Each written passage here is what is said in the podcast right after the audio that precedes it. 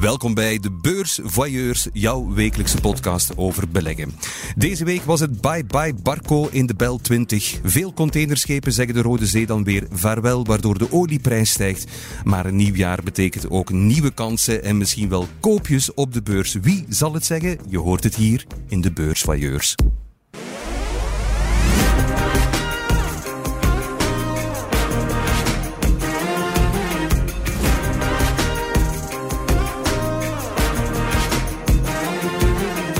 Voor de laatste aflevering van dit seizoen vertoef ik in uh, bijzonder aangenaam gezelschap. Meer bepaald Ellen Vermorgen van de Tijd en Gert Bakeland van de Belegger. Dag Ellen en dag Gert. Dag Thomas. Dag Thomas. Hoe gaat het ermee? Zijn jullie aan het uh, aftellen voor de feestdagen, Ellen? Jawel, hè, de kerstmenu is uh, stilletjes aan samengesteld. Is echt? De kalkoen is ingeslagen. Ah, ik dacht al dat hij al in de oven stak. Dat leek me wat. Nee, we gaan hert eten dit jaar, dus ik ben aan het liegen eigenlijk. Maar nee, ja, voilà, het is einde jaar. Dat is altijd een prettige periode. Hè? Een beetje ja, in familiaal verband wat, wat tijd doorbrengen met elkaar. Ja. Gert, liggen er bij jou al heel veel pakjes onder de boom?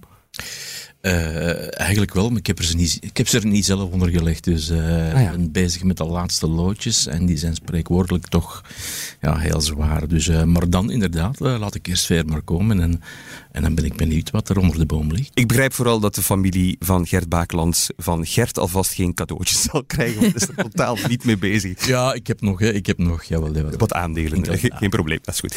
Goed, het wordt een bijzondere aflevering vandaag, want we doen iets wat we eigenlijk nog nooit gedaan hebben. We hebben een luisteraar naar de studio gehaald. Een superfan. Ik hoop dat ik dat mag zeggen. Misschien hebben ze hem gewoon een warm bord soep beloofd. Dat kan ook.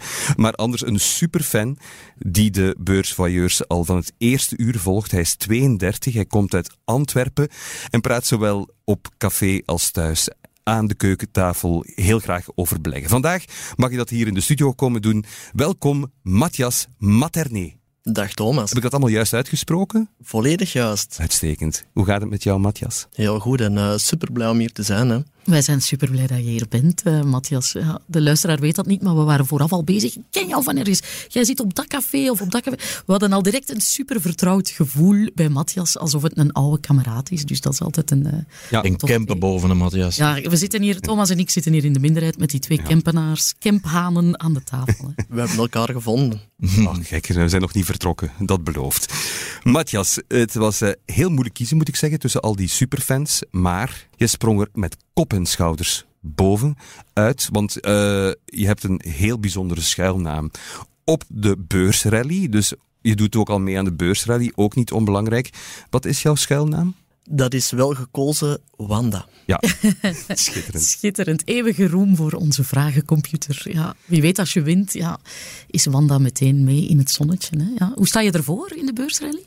Eigenlijk vrij goed. Um, okay. Dat is denk ik het derde jaar dat ik meedoe. En um, ik dacht, ja, ik kies Wanda. Als je dan bovenaan eindigt in, uh, in de ranglijst, dan uh, gaan er een aantal uh, mensen bij de redactie hun, hun ogen wel eens opentrekken. En um, ja, momenteel rond plaats 900. Wauw. Echt? Ja, dat vind ik... Uh, ja, op Van de 30.000? Bijna 30.000 deelnemers. Dat dus, is wel heel uh, goed, Dat is zeg. echt wel uh, het toppeloton, hè, mogen we zeggen. Ja, ja goed. even terug naar jou, Matthias. wat doe je eigenlijk op een doordeweekse werkdag? op de doordeweekse werkdag werk ik bij BASF Antwerpen. Dus cool. ja. BASF, wel een gekend bedrijf, denk ik, onder zijn, beleggers. Ja. een van de grootste chemiebedrijven ter wereld. En daar op de zitten in het noorden van de haven van Antwerpen maken wij verschillende, vooral basischemicaliën. Ammoniak, waar al veel over gesproken ja. de afgelopen jaren. Uh, isolatiematerialen, uh, acrylzuren, et cetera. En met welke soort projecten ben je daar specifiek bezig bij BASF? Ik werk zelf op de energie- en infrastructuurafdeling van BASF Antwerpen. Oké, okay, dus het lijkt mij een boeiende plek uh, in, in, tijden waar uh, energie uh, een belangrijk ding is geworden en, en de grondstoffen vreselijk duur zijn en zo. Mag je zeker van zijn, Thomas. Ja? Um, ja, we zijn daar, wij voorzien eigenlijk alle bedrijven op de site. Dat zijn ook niet alleen BASF-bedrijven, maar ook third parties noemen wij dat, zoals Innovin, Ineos ja. en dergelijke. Um, en wij voorzien die van uh, stroom, stoom, uh, alle utilities die nodig zijn om een bedrijf te doen uh, draaien. Ja. ja, het is cool. Hè? De chemiesector, denk ik, trekt een voor, speelt een voortrekkersrol in heel ja, die omslag die we maken. En voor BASF heb ik een apart boontje, Matthias, ik zal jou zeggen waarom. Dus die zitten in Ludwigshaven en die sturen de meest hoffelijke persberichten die je je maar kan voorstellen. Dus als er resultaten zijn bij BASF bijvoorbeeld, dan zie ik in mijn mail al oppoppen, zeer geëerde vrouw Vermorgen, sturen ze dat in mooi de meeste bedrijven schrijven gewoon beste, geachte. Je wordt daar dus dan met je hele, zeer, geëer, zeer geëerde vrouw, vanmorgen op zijn hoogduits, word je dan aangeschreven. En dat vind ik tof, want dat is very classy. En, uh, ja, ja, ik je voelt je direct Ik voel mij direct uh, een of andere Duitse uh, barones of wat mij aanschrijven. Toch een klein vraagje tussendoor. heb je zelf BASF-aandelen in je portefeuille zitten? Ja, ik heb zelf BASF-aandelen in mijn portefeuille. Via um, optieplannen? Ja. via optieplannen. Elk jaar kunnen wij um, een 10 plus 1 uh, of 10 plus 2 uh, pakket aandelen kopen. En uh, dat doe ik meestal elk jaar, tenzij de koers echt enorm hoog staat. Ja. ja. Oké, ja, dat is plezierig hè, dat je als werknemer op die manier... Werknemersparticipatie, ja. het zou meer moeten zijn. Ja, hè, het is een voorbeeld. Want, ja, Absoluut het aligneert uh, ja, de belangen. Het is fijn dat je als personeelslid mee kan profiteren als je bedrijf het goed doet. Nee, nee. werkgever en werknemer zijn geen tegenstellingen. En nee, eh, ze werken samen aan een betere wereld aan. Dus uh, heel fijn, ja. Op welke leeftijd ben je begonnen met beleggen, Matthias? Al even geleden eigenlijk. Um, ik denk velen zijn begonnen in 2020 bij, tijdens de coronapandemie. Uh, maar ik ben eigenlijk begonnen in 2015. Um, toen ken ik zelf eigenlijk vrijwel niets van beleggen. Um, maar ik heb toen mijn eerste appartement gekocht. En um, ja, eh, de lening die ik toen ben aangegaan, dat was een beetje een speciale lening. Daar heb ik gewerkt met een, een deel van het uh, mm -hmm. bedrag. Uh, uh, was gegeven via een bulletlening. Ik weet niet of dat bekend is bij... Dat moet je even uitleggen, bulletlening. Ja. Klinkt, klinkt als uh, zelfmoord, maar... maar... um, voelden op sommige momenten zo wel. Um, het is een lening die, um, waar dat je uh, over een bepaalde tijdsperiode, dat was in mijn geval tien jaar, enkel interest op betaalt. Mm -hmm. en het volledige kapitaalbedrag moeten pas na die tien jaar terugbetalen. Maar in 2015 uh, stond de rente uh, relatief uh, laag, hè, iets onder de 2% toen. Ja. En um, ik ging ervan uit dat ik op de beurs, ik heb dat toen gehoord van een aantal specialisten die hier toevallig ook aan tafel zitten, dat er gemiddeld meer dan 2% interest kon gemaakt worden op beleggingen. En ik ben dan beginnen beleggen. Het enige dat ik daarbij vergeten was dat het eigenlijk geleend geld is en uh, voor de gemoedsrust uh, is het toch moeilijker om met geleend geld uh, te beleggen ja, dan met geld dat niet nodig is. Dus um, het was een spannende rit. Die Amai, maar dat, is, dat, dat, is toch wel... Allee, dat is, het is moedig, maar ook wel echt heel zot om dat te doen. Hè? Mag ik dat zeggen, Matthias? Dat is toch wel echt risicovol, hè? Um, het, het meest risicovolle en, en het moment waarop waarbij ik ook uh, gestopt ben, is eigenlijk 2020. Want uh, ik was het geld aan het verzamelen, aan het beleggen. Uh, en ik had al een portefeuille, een vrij mooie mm -hmm. portefeuille opgebouwd. Maar in 2020 kelderde al die aandelen. Oh. En ja, dat waren momenten dat ik uh, s'nachts soms wakker schoot ja. van, van de beleggersportefeuille. Ja, ja daar zit dan als jonge kerel. En toen ben je gestopt, toch? En toen um, heb ik, uh, ik ben niet gestopt, al geluk. Ik heb uh, een, een, stuk, een deel uh, verkocht. Toen vooral ja, Chinese aandelen heb ik toen verkocht. Um, en um, ik heb gelukkig de meeste van mijn aandelen kunnen behouden. De rit naar boven heb ik dus ook terug kunnen meemaken. Maar op het moment dat ik eigenlijk break-even stond en ongeveer het bedrag al bijeen had gespaard dat ik moest afbetalen na die tien jaar um, ben ik uitgestapt uh, met het grootste gedeelte en heb ik dat geld eigenlijk uh, echt uh, aan de kant gezet. Um, omdat ik op die moment heel moeilijk kon leven. Dus de lening is sowieso vroeger dan verwacht afbetaald. Ja. ja. Dus dat is Oef. proficiat, hè? Ja, ja dank ja, u. Dat dank heb je dat goed gedaan. Het, heeft, het is een beetje een, een clausule van don't try this at home misschien, of niet voor iedereen. Even een, een beetje een jackass disclaimer van MTV bovenaan, van ja, jongelingen, ja, bezint daar eerder over. Ja, voor jou is dan een positief verhaal gebleken. Je hebt nog twee jaar. Het is in 2025 dan dat je de som terug um, moet betalen? Of hoe zit het dan? Uh, in theorie was 2025, ja. uh, maar um, omdat wij recent een, een, woning hebben gekocht, uh, okay, begin dit jaar, ja. dank u, is heel de lening volledig vervroegd, vervroegd afbetaald. En, en voilà. gezien ik het geld op de beurs al uh, verdient had. Was dat, uh, ik zie Thomas denken, ja, ja, bullet. Nee, nee, nee.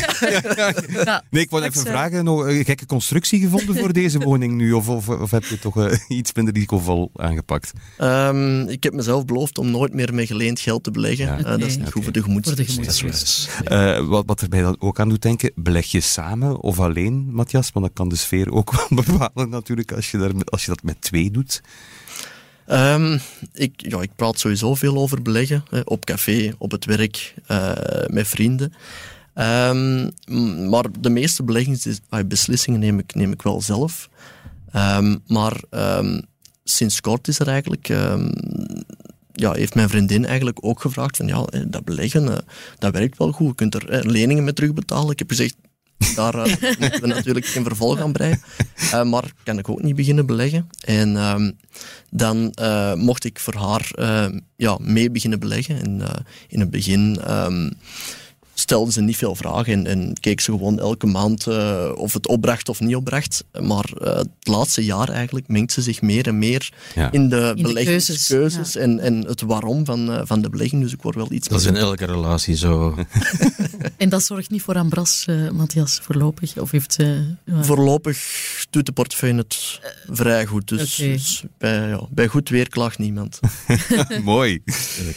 Zeer bijzonder uh, fijn om jou uh, al beter te leren kennen, Matthias. Maar we hebben nog een uh, hele podcast de tijd om, om dat verder te doen. We gaan eraan beginnen met het nieuws van de afgelopen week in de beursblik. De beursblik. Binnenkort zitten we weer allemaal aan de feestjes. Benieuwd met welke beursnieuwtjes ik daar dan kan uitpakken. In de hoop dat er geen bijvragen komen natuurlijk, want dan hang ik er meteen aan. Uh, aan wie kan ik beter vragen dan aan onze beursvoyeurs? Ellen, waar wil jij het over hebben vandaag? Jawel, einde jaar. En dan komen de klassieke lijstjes boven. De wenslijstjes uh, waarmee de strategen 2024 willen trotseren. En voor het 28ste jaar op rij hebben wij met de tijd onze klassieke rondvraag gedaan. Wij gaan dan uh, ons oor te luisteren leggen bij alle beleggingsbladen en alle beurshuizen om te kijken welke namen er komen bovendrijven. En dat is altijd een, uh, een mooie selectie. We hebben die uh, afgelopen weekend in de weekendkrant gepubliceerd. Mijn indruk is dat het een beetje alle kanten opgaat. Dus dat analisten eigenlijk kansen zien in de brede markt. Wat absoluut de hoofdtoon uh, voert, zijn de holdings. Hè. Die zijn opnieuw erg, erg gegeerd op die favorietenlijstjes. Uh, Dieteren is er als topfavoriet uitgekomen. En je weet, Dieteren, ja, uh, holding rond auto's, auto-onderdelen, maar ook uh, rond Carglass. Hè. Belron, een van hun uh, ja, uh, sterkroonjuwelen, laat ons zeggen, wordt geschat op 171 euro per aandeel Dieteren. Dat is ongeveer de hele beurskoers van Dieteren. Dus je weet al de rest, heb je er een beetje als optiewaarde bij. En de hoop is dan dat die waarde komend jaar zal komen uh, bovendrijven. Hè. De holdings met grote kortingen uh, momenteel, hoewel er sommigen een premie hadden. Hè. Sofina bijvoorbeeld staat nu ook terug in die favorietenlijst. Hij heeft een tijd geleden nog noteerde dat met een premie van 30% op de waarde van de portefeuille. Dat is nu een korting van 25, 30% geworden.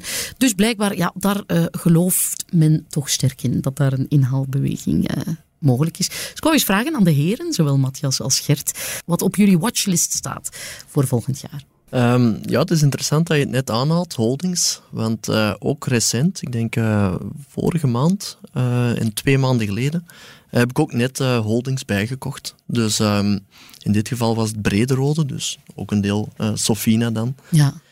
Um, en, en Livco, Scandinavische, Scandinavische holding.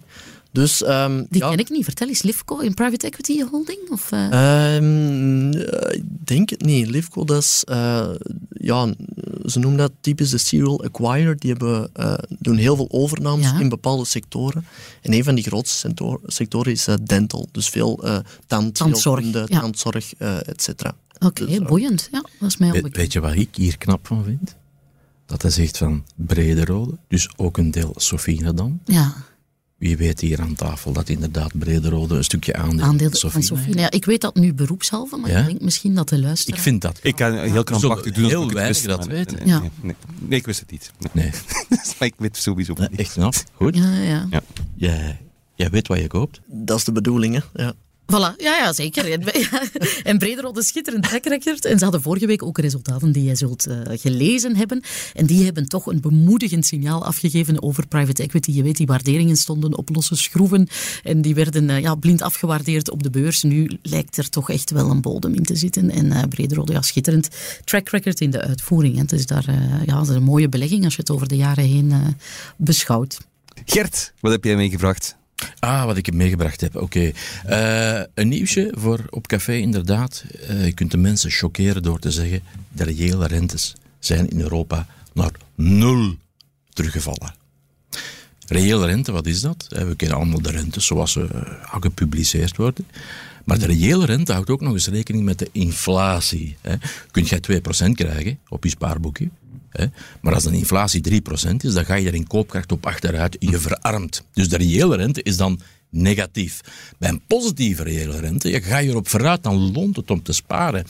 En wat hebben we dit jaar gezien? Dat door de stijging van de rente en een stuk door de daling van de inflatie, uh, in de Verenigde Staten, maar ook in Europa, die reële rente positief is geworden. En dat was al geleden van 2014. Amai. Dat is heel lang geleden. Jaar. sprak in de kranten, Ellen ook over de financiële repressie, hè, weet je nog, hij werd heel vaak gebruikt. Nu, tijdens 2023 dus een positieve rente. Maar goed, uh, inflatieverwachtingen zijn wat naar beneden gekomen. Uh, de rente, de lange termijn rente, is een vol procentpunt gedaald ook. En dan zie je dat op basis van de tienjarige Duitse rente en de inflatieverwachtingen voor de komende tien jaar, dat die premie, dat dat positief reëel rendement eigenlijk rente helemaal is weggesmolten. Ja, dat we terug op nul zitten. Um, Met andere woorden. Met andere woorden, het loont niet meer, enfin, uh, het loont niet meer, ja, ik zal toch maar zeggen, het loont niet meer om te sparen, inderdaad. Kijk, uh, Duitsland 10 jaar 2% bruto, hè. Wat geeft dat netto? 30% eraf, 1,40. Hmm. Ja, ga je daar de, de, de inflatie mee kloppen? Ik, denk het niet. Hè. Dus wat wil ik daarmee ook zeggen? Van, ik denk dat we de, in de beursrally, in de live-editie, uh, Thomas, hebben het nog gehad. Misschien, misschien gaan we naar een terugkeer van Tina. There is no alternative. En inderdaad, als je maar 1,40 netto kan krijgen op een periode van 10 jaar vast, ja, dan vind je heel veel aandelen, ook op de Brusselse beurs, zelfs in Europa met een dubbelende, dubbele roerende voorheffing, die veel meer bieden dan die 1,40% netto en die in staat zijn om elk jaar een stukje te laten, laten stijgen, meer dan de inflatie zelfs. Dus eigenlijk is dit wel positief nieuws. Uh, ik denk vooral voor, ook voor rentegevoelige uh, aandelen. We hebben het hier al enkele keren gezegd. Die vastgoed uh, die zijn mooi gestegen. Hè, de jongste weken, maanden al. dat ook, ja... Ehm, dividendwaarde, hè, bijvoorbeeld, toch wat meer in de picture komen. Ik denk dat dat ook belangrijk is voor voor breed gediversifieerde portefeuilles. Hè. dat heel de markt een beetje gestimuleerd wordt. Tot nu toe waren de, ja, die Magnificent Seven, hè, die, die grote indextrekkers die eigenlijk de beurzen hoger stuurden, en dan zeker in de Verenigde Staten. Maar wat zie je nu, de jongste weken, dat de brede markt aan het stijgen is. Dat die het zelfs veel beter doen dan die grote zeven. En goed, dat is een trendkering, het is nog pril.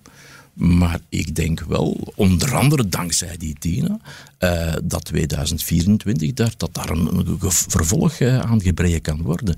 En, en, dat is positief voor, voor de mensen die nu nog allemaal gefrustreerd zitten van potverdorie, ik heb een gediversifieerde portefeuille, vaak nog met Belgische aandelen, en toen slecht en ik heb slechte rendementen en, en potverdorie, het zit me niet mee. Uh, niet verkopen nu, hè. En nu niet overstappen naar die uh, Big Seven. Nee, blijf zitten, want er zal terug opnieuw aandacht komen naar die brede markt. Naar ook gezonde, goed geleide bedrijven die tot nu toe heel goedkoop waren maar die toch uh, langzaamaan terug zullen opgepikt Ja, wat ik wel vind, Gert, ik volg jou uh, volledig, maar wat ik wel vind is dat de markt misschien een heel groot voorschot neemt op dalende beleidsrentes. En je ziet dat de geldmarkt nu al tegen, dat is ook zo. Ja, tegen het voorjaar van volgend jaar een daling van 100 basispunten van de Amerikaanse beleids. Dat lijken mij heel grote stappen om in te prijzen die nog niet... Allee, ja, dat, ja, dat lijkt me een beetje onze hand overspelen. Ja, ja omdat de vraag is, wie is daar het meest kwetsbaar voor? Dat is de vraag. Ja dat, ja, ja, dat is zeker de vraag. Ja, absoluut. Maar dat, dat kan ook de brede markt nog parten spelen. Hè. Je ziet dat de brede markt in een soort relief uh, rally is gekropen van oké, de rente gaat uh, dalen. Zal niet misschien heel erg lang op dat hoge niveau blijven, hè, waar we aanvankelijk schrik voor hadden. Dat heeft dan die brede koopimpuls in gang gezet. Maar dat we daar toch nog op een paar keer een reality check kunnen botsen. Het zal niet rechtlijnig boven zijn, dat, dat zal zo zijn. Ja, het is dat. Maar, maar wat ik wel geloof, als we dan terug naar die uh, reële rente gaan, even kijken kijken van uh, ja, die financiële repressie van de voorbije jaren, waarom hebben we dat gehad? Je hebt die, die overheidsschulden en, en die zijn opnieuw aan het stijgen. Hè. Mhm. En dankzij die financiële repressie is de, de schuldgraad ten opzichte van het bruto binnenlands product van de verschillende landen jongste jaren kunnen dalen. Maar die tekorten van de begroting, ja, dat, dat, dat ook in ons eigen land, maar even goed andere landen, dat stijgt. Dus om dat enigszins behapbaar te houden, die schulden, geloof ik wel dat we ja, opnieuw voor een periode staan dat de reële rente ja, heel laag zijn, zal blijven, nul, misschien zelfs negatief opnieuw. Waarom? Om die schulden, die overheidsschulden behapbaar te houden. Hm. En dan denk ik ja, wie, wie, waar zitten de slachtoffers dan? Ja, de spaarders. Hè. Zij die, die, die gewoon wachten tot, tot ze zien, afwachten wat ze krijgen voor hun centen. Uh, gewoon op, op vastrentende producten. Dan denk ik, ben ik ervan overtuigd dat in 2024 en ook de komende jaren, ja, dat je wel ook, ook het is een en-en-verhaal, maar dat je ook naar die aandelen moet om beter te kunnen doen dan die inflatie. Om niet te verarmen. Een bevlogen pleidooi, Matthias. Je, je, werd er wel, je was ontroerd bijna, zag ik. Dus waar wil jij het over hebben? Ja, ik heb een onderwerp dat, dat zeker niet onbesproken mocht eh, blijven, volgens mij. Um, dat was eigenlijk de klimaattop van uh, vorige week in Dubai. De, in de slotteksten van uh, dat akkoord staan uh, twee zinnen die, die me wel interessant lijken. eerste zin was in, of tegen 2030 uh, eh, wil men, hè, wil de wereld, de energieefficiëntie verdubbelen en uh, de productie aan groene stroom verdrievoudigen.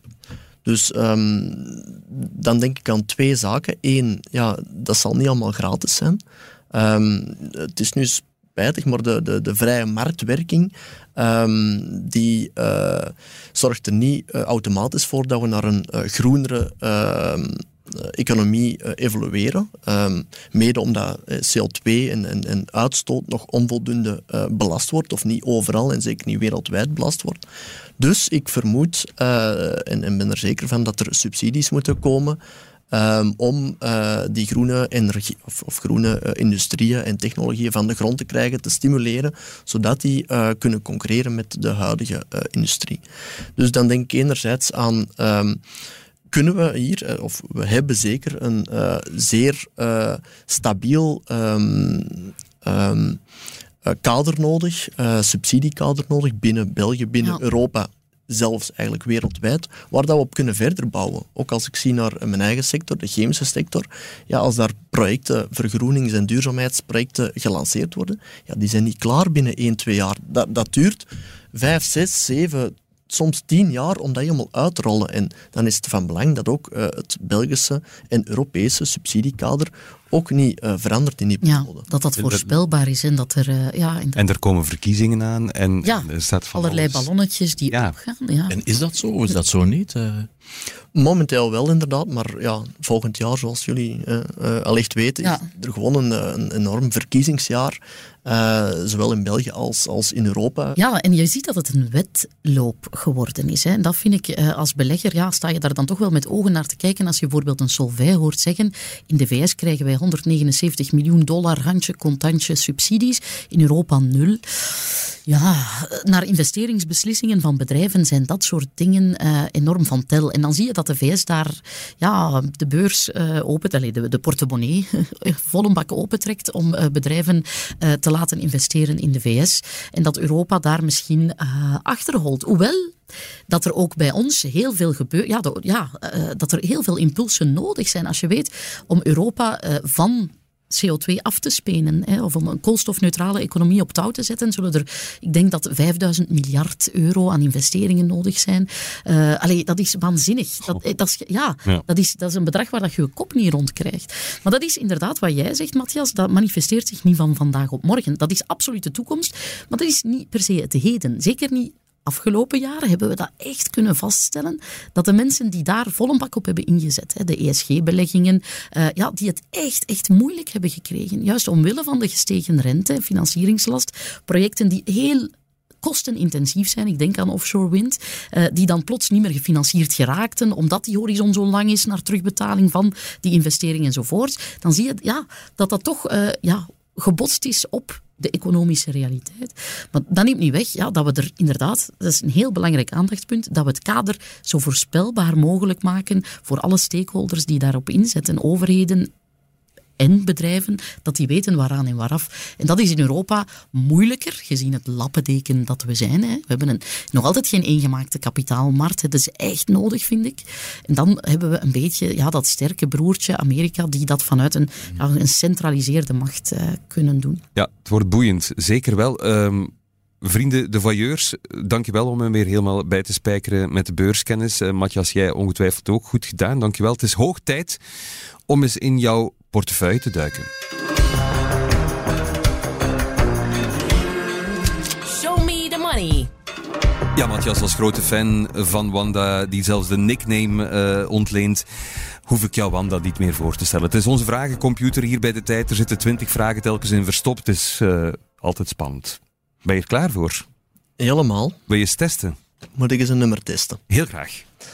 Uh, ik ga voor uh, 13 dan. Op welk verkocht aandeel heb je het meeste verlies gemaakt? Het antwoord daarop horen we zo meteen na dit. Matthias Materné, een superfan van onze podcast en een uh, jonge kerel die uh, heel bevlogen met de beurs bezig is. Dat kunnen we nu alvast officieel zeggen. Die is er vandaag te gast in de beurs Voyeurs. We waren net bij de eerste vraag van Wanda aanbeland. Die luidt als volgt. Op welk verkocht aandeel heb je het meeste verlies gemaakt, Matthias? Ik denk dat dit uh, een van de pijnlijkste vragen is uh, uit uh, de het vragencomputer. Ja. um, ja, het is een, um, nog vrij recent. het ligt nog steeds gevoelig, het verlies. maar dat was op Agen. Op Adyen, ja. ja. Nederlandse betaalverwerker. Ja.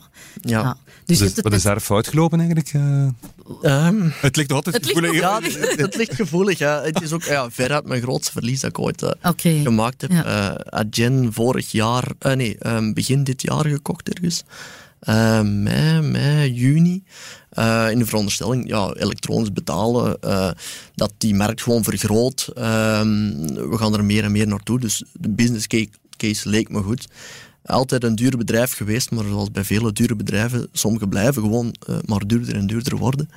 Uh, en in, wanneer was het? Uh, de slechte zomer van dit zomer, jaar. Ja. Um, is het aandeel toen echt wel gecrashed en min 50% gegaan, omdat ineens de omzetverwachtingen, die normaal gezien rond de 30% lagen, omzetstijgingen dan, dat die daalden naar 21% en uh, ja, dat is dan tip 1. Panikeer nooit op de beurs, maar eh, soms is, is het ja, sterker dan jezelf. En uh, ik heb toen toch in een, in een bijna emotionele bui het aandeel verkocht. Um, en daarna uh, heb ik gezien dat, dat het, het, stabiliseerde. Ze hebben een beleggersdag georganiseerd en die is heel positief ja. onthaald. En daar hebben ze ook gewoon gezegd, nee, onze business case blijft intact. Een één slecht kwartaal betekent niet dat de heel de business case onderuit gehaald wordt. Maar ik heb het niet bijgekocht en ik zie elke dag de, ja, de koers van Adyen stijgen. Uh, ah, nee, vandaar dat ik zag jou echt even slikken vooruit. Ik moest beginnen vertellen. Het treft jou nog altijd heel diep. Ik zie het, ik zie het echt aan jouw ogen. Ja, als het zo hard begint te dalen en het vallende mes, hè, uh, dan, dan denk je, ja, wanneer? Je kan ook de reflex hebben op een gegeven moment, ik koop bij. Heb, heb je die gehad op een gegeven moment? Of... Uh... Uh, normaal probeer ik dat bij, bij mm -hmm. een heel aantal aandelen. Als er echt zo'n daling is die overdreven lijkt, um, dan, dan koop ik bij. Maar hier, Adyen, daar uh, heb ik uh, zo'n gigantische kater aan overgehouden. Ja. Ik, ja. En één aandeeltje kostte ook direct onmiddellijk in een tijd 14, 15, 16, 1700 euro zoiets. Dus uh, ja, daar koop je geen ronde van. Het is nominaal een heel duur aandeel, hè, nog altijd. Hè. Zelfs met de uh, afkoeling die het aandeel heeft beleefd. Maar ik denk dat we dat allemaal wel eens hebben meegemaakt. Dat je een van je, ja, ja dat je zo'n lijntje in je portefeuille en op één dag zie je dat crashen, dat je denkt, oké, ik ga er toch Hoewel het dan indruist tegen de beleggingswetten, dat je dan gewoon stilletjes moet blijven zitten. Omdat je niet, maar dat, dat iedereen wel eens een keer dan heeft gezegd, oké, ik ga mee met de stroom en ik ga er korte metten mee maken. Ja, maar het is goed dat wij geen vragen moeten beantwoorden van Wanda. Dus. maar wel, het is dat. Het is dat, Matthias. Ik vind dat kei tof dat je dat hier gewoon ook zegt. Ja, ja. het is de eerste keer dat ik, er, eh, dat ik het deel met de, met de buitenwereld. Ah, wel. No shame. ik, ik, no shame. Ik, zag het gebeuren en het, het, is, het is moedig en lessons learned, hè, dat is natuurlijk uh, het belangrijkste. Oké, nog een cijfertje? Uh, dan mag je 8 doen. Hoe is de verdeling in je portefeuille? Goeie vraag. Verdeling in mijn portefeuille. Um, ik werk typisch met, met een, een, basis. Ik noem dat dan ja, de basiswaarde. En dat bestaat bij mij voornamelijk uit uh, holdings en uh, een paar trekkers. Uh, dat is rond de 40, 50 procent, dus nog geen gigantisch gedeelte. En daar zit dan een Brederode, een Livco tussen. En dan heb ik er overige 60%, die zijn dan... Um, en daar koop ik in verschillende sectoren waarvan ik denk dat de toekomst eh, rooskleurig is. Um, en um, in elke sector heb ik dan één of twee uh, aandelen zitten. Denk bijvoorbeeld aan de, de grondstoffensector. Uh, Daar heb ik bijvoorbeeld aandelen in zitten. Type Anglo-American is dat hier. en zo heb ik telkens recycling is een van die sectoren voor mij. Uh, energie is een van die sectoren. En zo heb ik een, een ja, een tiental uh, sectoren uh, waar ik dan één, twee losse bedrijven in, ja. in portefeuille heb. Dan heb je al een omvangrijke portefeuille qua aantal namen. Hè. Als je los van die core dan nog tien deelsectoren met... ja, ja oké, ja, dat lijkt me... Ja. ja Oké, ja, dat lijkt mij bovengemiddeld gespreid, denk ik, Gert. Uh, absoluut. Uh, en ik denk dat het goed is hè, om een core te hebben, een basiswaarde te hebben. Dus om enige stabiliteit in de portefeuille en dat je daar gaat kijken. Ik vind het zelf belang, belangrijk, ik weet niet dat je dat zelf doet, van ook naar, het, uh, naar de gewichten te, bekijken, naar elk individueel aandeel. Van als er een hoog risico aan kleeft, dat, dat je er minder in investeert. Is het wat, wat veiliger? Misschien een BASF of zoiets, hè, dat je daar meer investeert. Um, denk dat dat ook belangrijk is. Hè? Dat, uh, dat het potentieel, als dat groot is, ja, met een klein beetje geld en het komt eruit, zal het toch nog de moeite zijn. Loopt het fout, hè, omwille van het risico, en is maar weinig geld, dan, dan ga je het ook je portefeuille niet eigenlijk uh, niet pijn doen. Uh, is dat iets wat je meeneemt? Of? Ja, zeker en vast. Sommige stabiele waarden, zoals een BASF, die zijn inderdaad, die gaan richting tussen de 5 en 10 procent van de portefeuille bij momenten.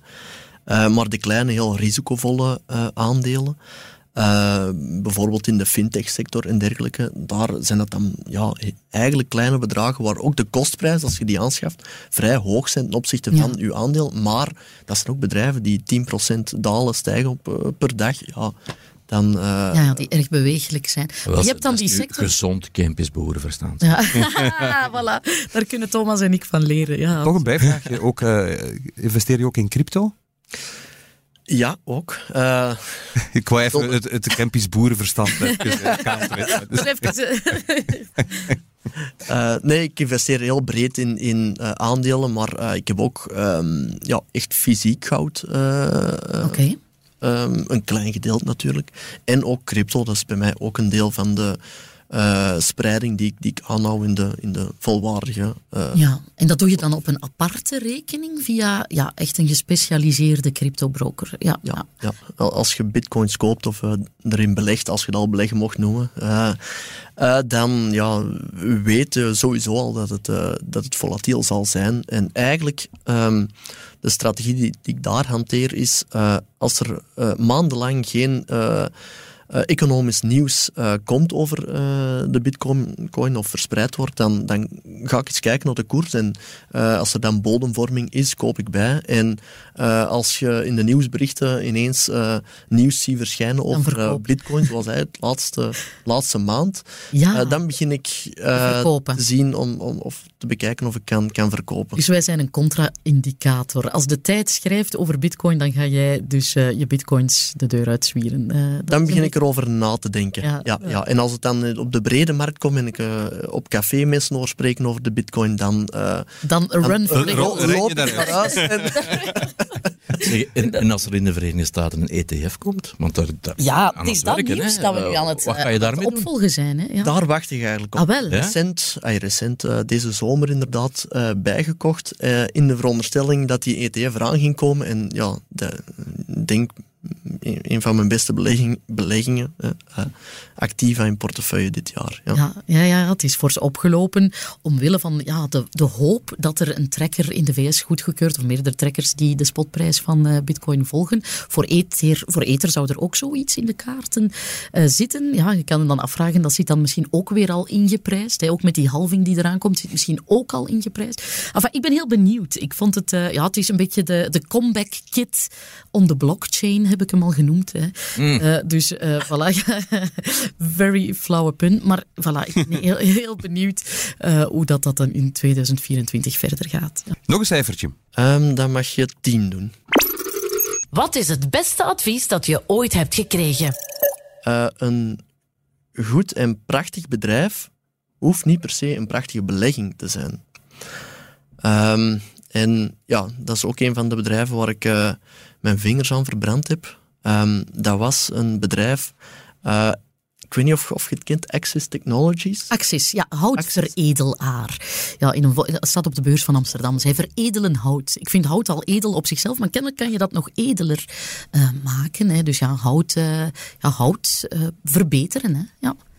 ja, dus voor mij paste dat perfect in een van de strategieën, duurzaam bouwen. Um, en um, inderdaad, hout wordt daar dan chemisch versterkt en, en, en gaat dan langer mee. Uh, en dat was in, in de periode dat alle groene aandelen natuurlijk uh, serieus aan het stijgen waren. Um, hadden zij een aantal fabrieken die, die vol uitgelast worden. Dus een orderboek puilde uit. Ze konden niet meer leveren aan de klanten. dus het bedrijf draaide echt goed. dus ik heb er ook natuurlijk aandelen van gekocht dan. Ehm, maar wat ik onderschat had, was uh, dat het een heel kapitaalintensief bedrijf is. Mhm. Dus omdat ze hun, uh, hun orderboek dusdanig groot was, waren ze fabrieken en moesten ze fabrieken bijbouwen. Maar dat was een vrij klein bedrijf, dus hadden ze gigantisch veel kapitaal nodig om die fabrieken te bouwen. Ook in, in, in Engeland uh, kwam er een fabriek. En ook de inflatie begon te stijgen. Dus de, de bouwkosten die, die, waren veel hoger dan initieel geraamd. En om dan geld op te halen, uh, zijn ze inderdaad nieuwe aandelen gaan uh, uitgeven. En daar uh, ja, is mijn klein onderdeel van het bedrijf mooi verwaterd. En ja, ja dat voel ja. ook direct. Ja, dat kan je aflezen uit de beurskoers eigenlijk. Hè. Acties is een pennystock, het is een centjesaandeel. Dus dan weet je uh, dat er allicht een hele voorgeschiedenis al is van verwaterende kapitaalrondes, uh, ja, waar jij dan aan de lijve uh, ook slachtoffer van, van bent geworden. Maar je hebt gelijk, inderdaad. Het hoeft niet, hè. je kan nog zo geloven. Want inderdaad, het lijkt ja, schitterend, maar je moet kijken inderdaad naar financieringsnoden. ja, veel bedrijven staan niet op de beurs voor onze schoon ogen hier, maar wel om toegang te hebben tot kapitaal. En dat gebeurt uh, ja, soms uh, ja, in niet zo beste contexten waarbij bestaande aandeelhouders fors, uh, fors verwateren. Ja. Wat denk je, Matthias? Nog eentje om het helemaal af te ronden? Dan doe maar 15. Van welk aandeel droom je? Um, een van de aandelen dat bij mij ook op de wishlist staan, dat het uh, mee in een van die domeinen past, zit in de recycling business, uh, is uh, Copart. Oké, ken ik, ik niet. niet. Of nee. um, jullie iets zegt. Um, ja, het is een ja, Amerikaans bedrijf en uh, zij uh, ruimen eigenlijk uh, auto's op en kopen gebruikte auto's in. En de materialen die nog bruikbaar zijn, halen ze eruit en, en, kunnen ze herverkopen. En ze kopen ook gewoon wagens aan en herverkopen die. en hun ja, businessmodel wordt eigenlijk ook geholpen door uh, ja, de, de, de, klimaatrampen die, die mhm. steeds vaker en vaker uh, voorkomen. Ehm, want een van de rampen waar dat ze ehm, vrij recent nog naartoe zijn gegaan, waren de overstromingen in, in Duitsland. Toen dat wij ook in, in Wallonië overstromingen mm. hadden. Ja. Dan komen ze echt met een taskforce uh, over en gaan ze al die auto's die dan beschadigd zijn ook allemaal opladen eigenlijk. Um, ze hebben deels met verzekeringsmaatschappijen? Ook, ja, ja, ook deels met verzekeringsmaatschappijen. Um, en ze halen alle componenten eruit en um, herverkopen die dan uh, tegen winst. Dus in mijn ogen supergoeie business. Ja. Recyclagebusiness, ook potentieel uh, omdat er gewoon meer rampen aankomen, of, of zijn mhm. klimaatrampen met veel schade. Alleen altijd, zoals zo vaak, een heel duur aandeel, blijft duur. Uh, en eigenlijk... Uh, duur nominaal of in termen van waardering? Ja, waardering, ja. Koers-winstverhoudingen ja. uh, ook nooit onder de 40. Oké. Okay, en en ja... Dat wringt dan toch een beetje. Zeg Matthias, maar toch een vraag. Hoe, hoe vind je of hoe zoek je, hoe kom je tot bij dat soort van aandelen? Hoe ga je erop? Um, ik lees heel vaak de tijd, dus uh, dat, daar... Moet je eens doen, uh, Gert, dat is, dat is de moeite. ja. Uh, en wat ik ook veel doe, is... Ik luister ook heel wat podcasts. En ehm, diverse mensen komen er aan het woord. en daar vallen die namen dan? Ja, ook gastsprekers. En, en daar komen dan soms namen naar boven. En, en als het dan past in die uh, beleggingscategorieën waar ik in beleg, hmm. dan ga ik er wel eens naar kijken. Wat is een businessmodel? Wat doen ze? Begrijp ik het? Want mm -hmm. Uh, er zijn ook heel veel bedrijven waar dat ik uh, na, na, na drie uur lezen nog, nog niks van begrijp. Ja. en als die interessant zijn, dan komen die op de wishlist. en als ze dan interessant gewaardeerd zijn, tracht ik die aan te schaffen. Maar, Oké, nee, boeiend. Matthias, Dankjewel, ontzettend goed gedaan. heel openhartig en leerrijk op de koop toe. Zeer veel dank. Alsjeblieft. De hulplijn. Mm dat is mooi meegezongen. Ik weet niet, dat is, uh, wie was op de toon, het was Gert. Goed gedaan, Gert. Excuus dat jij ze, al die talenten niet te geloven. Beursvailleurs, het zijn gevers, beste mensen. Ze willen hun kennis graag delen. En als er dan een luisteraar met een vraag zit, dan zijn ze er als de kippen bij om te helpen natuurlijk. Vandaag komt de vraag van Stefan. Hallo, dag uh, beursvailleurs. Beste Stefan, je hebt een vraag voor onze beursvoyeurs. Wat is jouw vraag? Zeker, zo. Dus uh, net als de meeste bellers van de hulplijn ben ik een luisteraar van het eerste uur. En jullie hebben mij in de loop der tijd al heel wat wijzer gemaakt, maar toch heb ik een vraag die ik graag even aan jullie voorleg. En omdat het einde jaar een periode van decadente uitspattingen is, heb ik me niet ingehouden, dus hou jullie vast, want het wordt een redelijk lang vraag. Oké, laat maar komen. Het, uh, het, periodiek passief beleggen via ETF's kwam al meermaals aan bod als een goede manier om een fundament te leggen van je portefeuille. Je doet dan dollar cost averaging en door elke maand exact hetzelfde te doen, behoed je je voor emotionele aan- en verkoopbeslissingen. Dus ik doe het ook zelf om die reden, onder meer door de maandelijkse aankoop van S&P 500 ETF, net zoals miljoenen andere passieve beleggers. Maar je hoort ook regelmatig over het mogelijk gevaar van dat passieve beleggen. En dan gaat het specifiek over twee punten. Ten eerste kopen passieve S&P 500 beleggers elke maand op automatische piloot zonder grondige analyse dezelfde korf van aandelen. Met geen enkele andere motivatie dan we doen het elke maand en we willen gewoon zo groot mogelijk belang in die S&P 500 opbouwen. En ik voel jullie al een beetje ineenkrimpen bij het idee alleen al, want jullie houden altijd zo'n passioneel betoog voor het zoeken naar verborgen parels, naar onder- en overgewaardeerde aandelen door analyse en studie om op die manier inefficiënties uit de markt te halen. Maar passieve beleggers die stuwen eigenlijk gewoon de waarde van die 500 grootste uh, aandelen uh, verder de lucht in.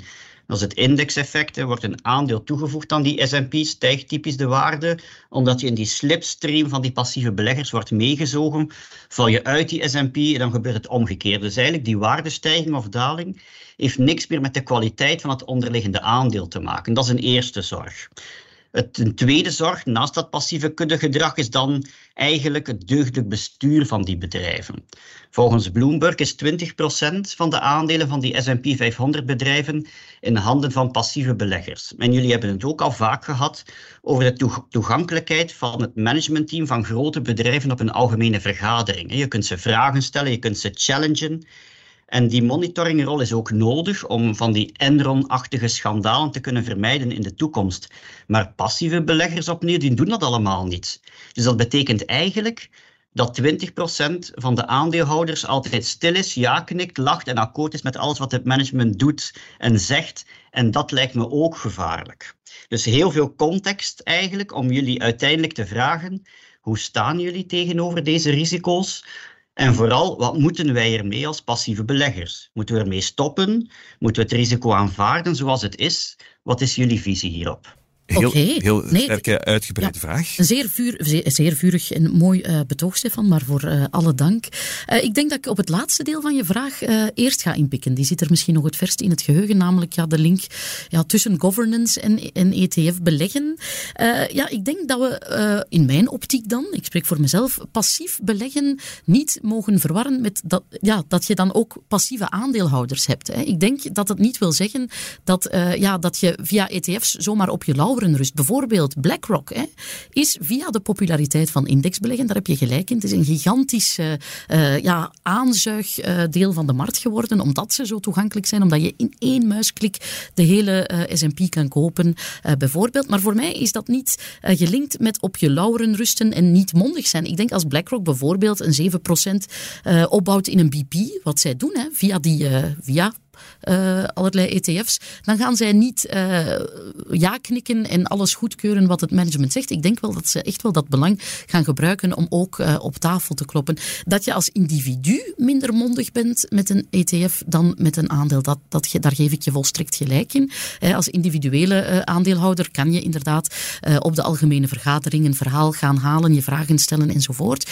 Maar voor mij is er niet echt een link tussen een mindere governance als je uh, je bedrijf goed vertegenwoordigd is in deze of gene index en bij gevolg ook in deze of gene ETF. Voor mij, ik zie daar de link niet zo. Ik zou zeggen zelfs het tegendeel. Het feit dat je tot die index behoort, legt misschien zelfs een extra vergrootglas op je deugdelijk bestuur. Ik denk dat je daar als bedrijf nog extra uh, in de spotlights uh, staat en dat je dus niet echt uh, achterover kan leunen als CEO wat, wat dat betreft. Maar dat is mijn, mijn inschatting van de zaak. Het kan zijn, maar ik, ik kan me voorstellen dat Stefan nu de bedenking maakt, dan geef je wel heel veel macht, in dit geval Weg. aan een BlackRock. Dat, ja, inderdaad, het geeft, ja, dat is zeker waar. Het zijn zij die die grote belangen opbouwen door de populariteit van passief beleggen. ja, hebben zij echt majeure belangen in heel veel van de grootste bedrijven uh, in de wereld. Die zij natuurlijk uh, zullen aanwenden om hier en daar uh, hun stempel te duwen op de bedrijfsvoering, absoluut. Maar inderdaad, je geeft je macht op een, op een manier weg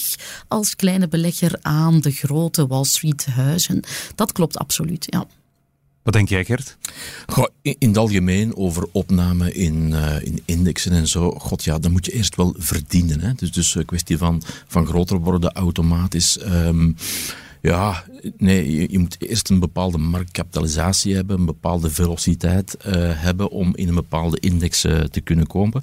Dus dat belang zou ik zeker niet, niet uh, overroepen. Hè. Soms heb je dan inderdaad dat die aandelen stijgen hè, bij opname. Gebeurt soms de dagen voordien al. maar meestal is dat een tijdelijk effect dan wat die koers betreft. Um, twee, allee, het is natuurlijk een hele kleine index, maar nu de Bel 20, we hebben gezien dat de Barco eruit valt. Ja, toen het er ingenomen werd, was een veel hogere koers. Hè. Dus is eigenlijk slecht gepresteerd als Bel 20 waarde. Goed, het is niet vergelijkbaar met, met de S&P 500, dat weet ik zeker. Maar allee, het is er nu uit. Ik, ik verwacht zelfs dat Barco heel goed kan presteren hè, de, de komende twaalf maanden. En voor de rest, ja, eh, wil ik er zeker niet moraliserend over doen. Ik heb zoiets van, don't fight the system, use it. Als er goed uh, aandelen van bedrijven zijn die niet in die index zitten en, en misschien net daardoor heel laag gewaardeerd zijn, ja, doe er je voordeel mee. Mm die insteek heb ik zelf. En als er bepaalde aandelen ja, inderdaad heel duur zijn, om net omwille dat, dat ze geld aanzuigen via die ETF's, ja, dan is er reden te meer om voorzichtig te zijn. Maar ja, ik, ik weet het, het is uh, iets duur, kan nog veel duurder worden, ja. goed, goed, goedkoper. Um, maar enfin, ik hou dat toch in het achterhoofd en, en probeer het in mijn voordeel te gebruiken. Stefan, heb je daar iets aan aan dit antwoord? Ja, ja, uiteraard, uiteraard. Stefan, je merkt het, uh, dit was een heel erg interessante en boeiende vraag die je hebt gesteld. Daar wil ik je dan ook voor bedanken. Ja, dat is zeer graag gedaan. En jullie uh, bedankt voor het enthousiaste antwoord. Hartelijk bedankt voor jouw vraag en een uh, fijne dag nog. Heeft u ook een vraag voor onze beursvoyeurs? Zeker niet twijfelen. Stel ze gerust via podcast.tijd.be. Dan beantwoorden we die misschien wel in het volgende seizoen van de beursvoyeurs. Want nu is het tijd om eens vooruit te blikken. De blik vooruit. Ja, de laatste van dit seizoen. Uh, dus misschien, uh, ik weet het niet. Iets voor. Wat stel jij voor, Matthias? um, mijn vooruitblik was eigenlijk uh, niet onmiddellijk gerelateerd met de, met de beurs. Um, of, of toch gedeeltelijk, uh, want we zijn aan het uh, verbouwen, aan het renoveren. Okay. de bouwsector heeft het momenteel al moeilijk, dus we ondersteunen die, die momenteel dus ook. Met een bulletlening. Ehm, zon, zonder leningen, zonder... oh, ja, ja, je betaalt het uit eigen zak. Uit eigen zak, ja. ja alle, alle laatste cash wordt daar wordt aan, aan besteed. Ja. Um, maar nee, de afgelopen weken, omdat ja, uh, we onze badkamers aan het verbouwen waren, uh, hebben we niet thuis kunnen wonen. Dus uh, geen sanitair. En ja, nu wonen, wonen we tijdelijk bij mijn schoonmoeder, die dat heel goed gedaan heeft en ons heeft opgevangen. Uh, maar deze week, eind deze week, zal uh, alles klaar zijn en uh, kunnen we terug verhuizen. Wow. Ja, en hoe aardig jouw schoonmoeder toch is, ja, is waarschijnlijk niet de bedoeling om daar levenslang... het zal ook fijn zijn om terug in jullie eigen stek te zitten, allicht. Die heeft dat prachtig gedaan. Super. maar, um, aan alle mooie liedjes ja. komt een einde. En... Ja, ja, misschien zal ze ook wel blij zijn van jullie verlost te zijn. Ik zal altijd over beleggingen praten aan de, aan de eettafel. Ja. Die, die wil het wel eens over iets anders hebben, stilletjes. Hè? Ellen, waar kijk jij naar uit? Jawel, ja, het is met spijt in het hart. Het is de laatste aflevering van dit seizoen. Ik ben blij dat we dat met Matthias hebben kunnen afsluiten. Uh, iemand die, uh, ja, voilà, uh, ja, ons publiek, ja, voilà, een superfan. Dat is heel fijn. Ja, bevlogen en, en, en heel interessant. Tof heel tof. En, ja. ja. Ja, heel tof. Maar ik zou zeggen, u hoeft niet op uw honger te blijven zitten. Na nieuwjaar gaan we van start met een spin-off. Die zijn helemaal in trek, bewijzen Science Co Solvay. Spin-off van deze podcast. En dat is Beurswires of the Record, waar ik een aantal uh, doorwinterde beleggers uh, het vuur aan de schenen hoop te leggen op een Thomas-waardige wijze. Ik hoop dat. Uh, dat ik, uh, zal waarop geregeld zijn. Is niet dus ik zal jou af en toe bellen voor, voor advies, Thomas. Maar waar we dus echt ja, een beetje een deep dive zullen nemen in de, de portefeuilles van, van ja, beleggers-experts. Ja. Gert? Wel, ik kijk uh, volgende week uit. rendezvous met Ellen opnieuw. Uh, de zeven special beleggen. Ja. Uh, dus daar kijken we eerst naar uit. En dan ja. wel een beetje ja, verlof, uh, oudjaren, spreken met drie koppels af. De mannen koken. Vanaf Top. de namiddag maison place, wijntje erbij. Ja, ja, ja. ja.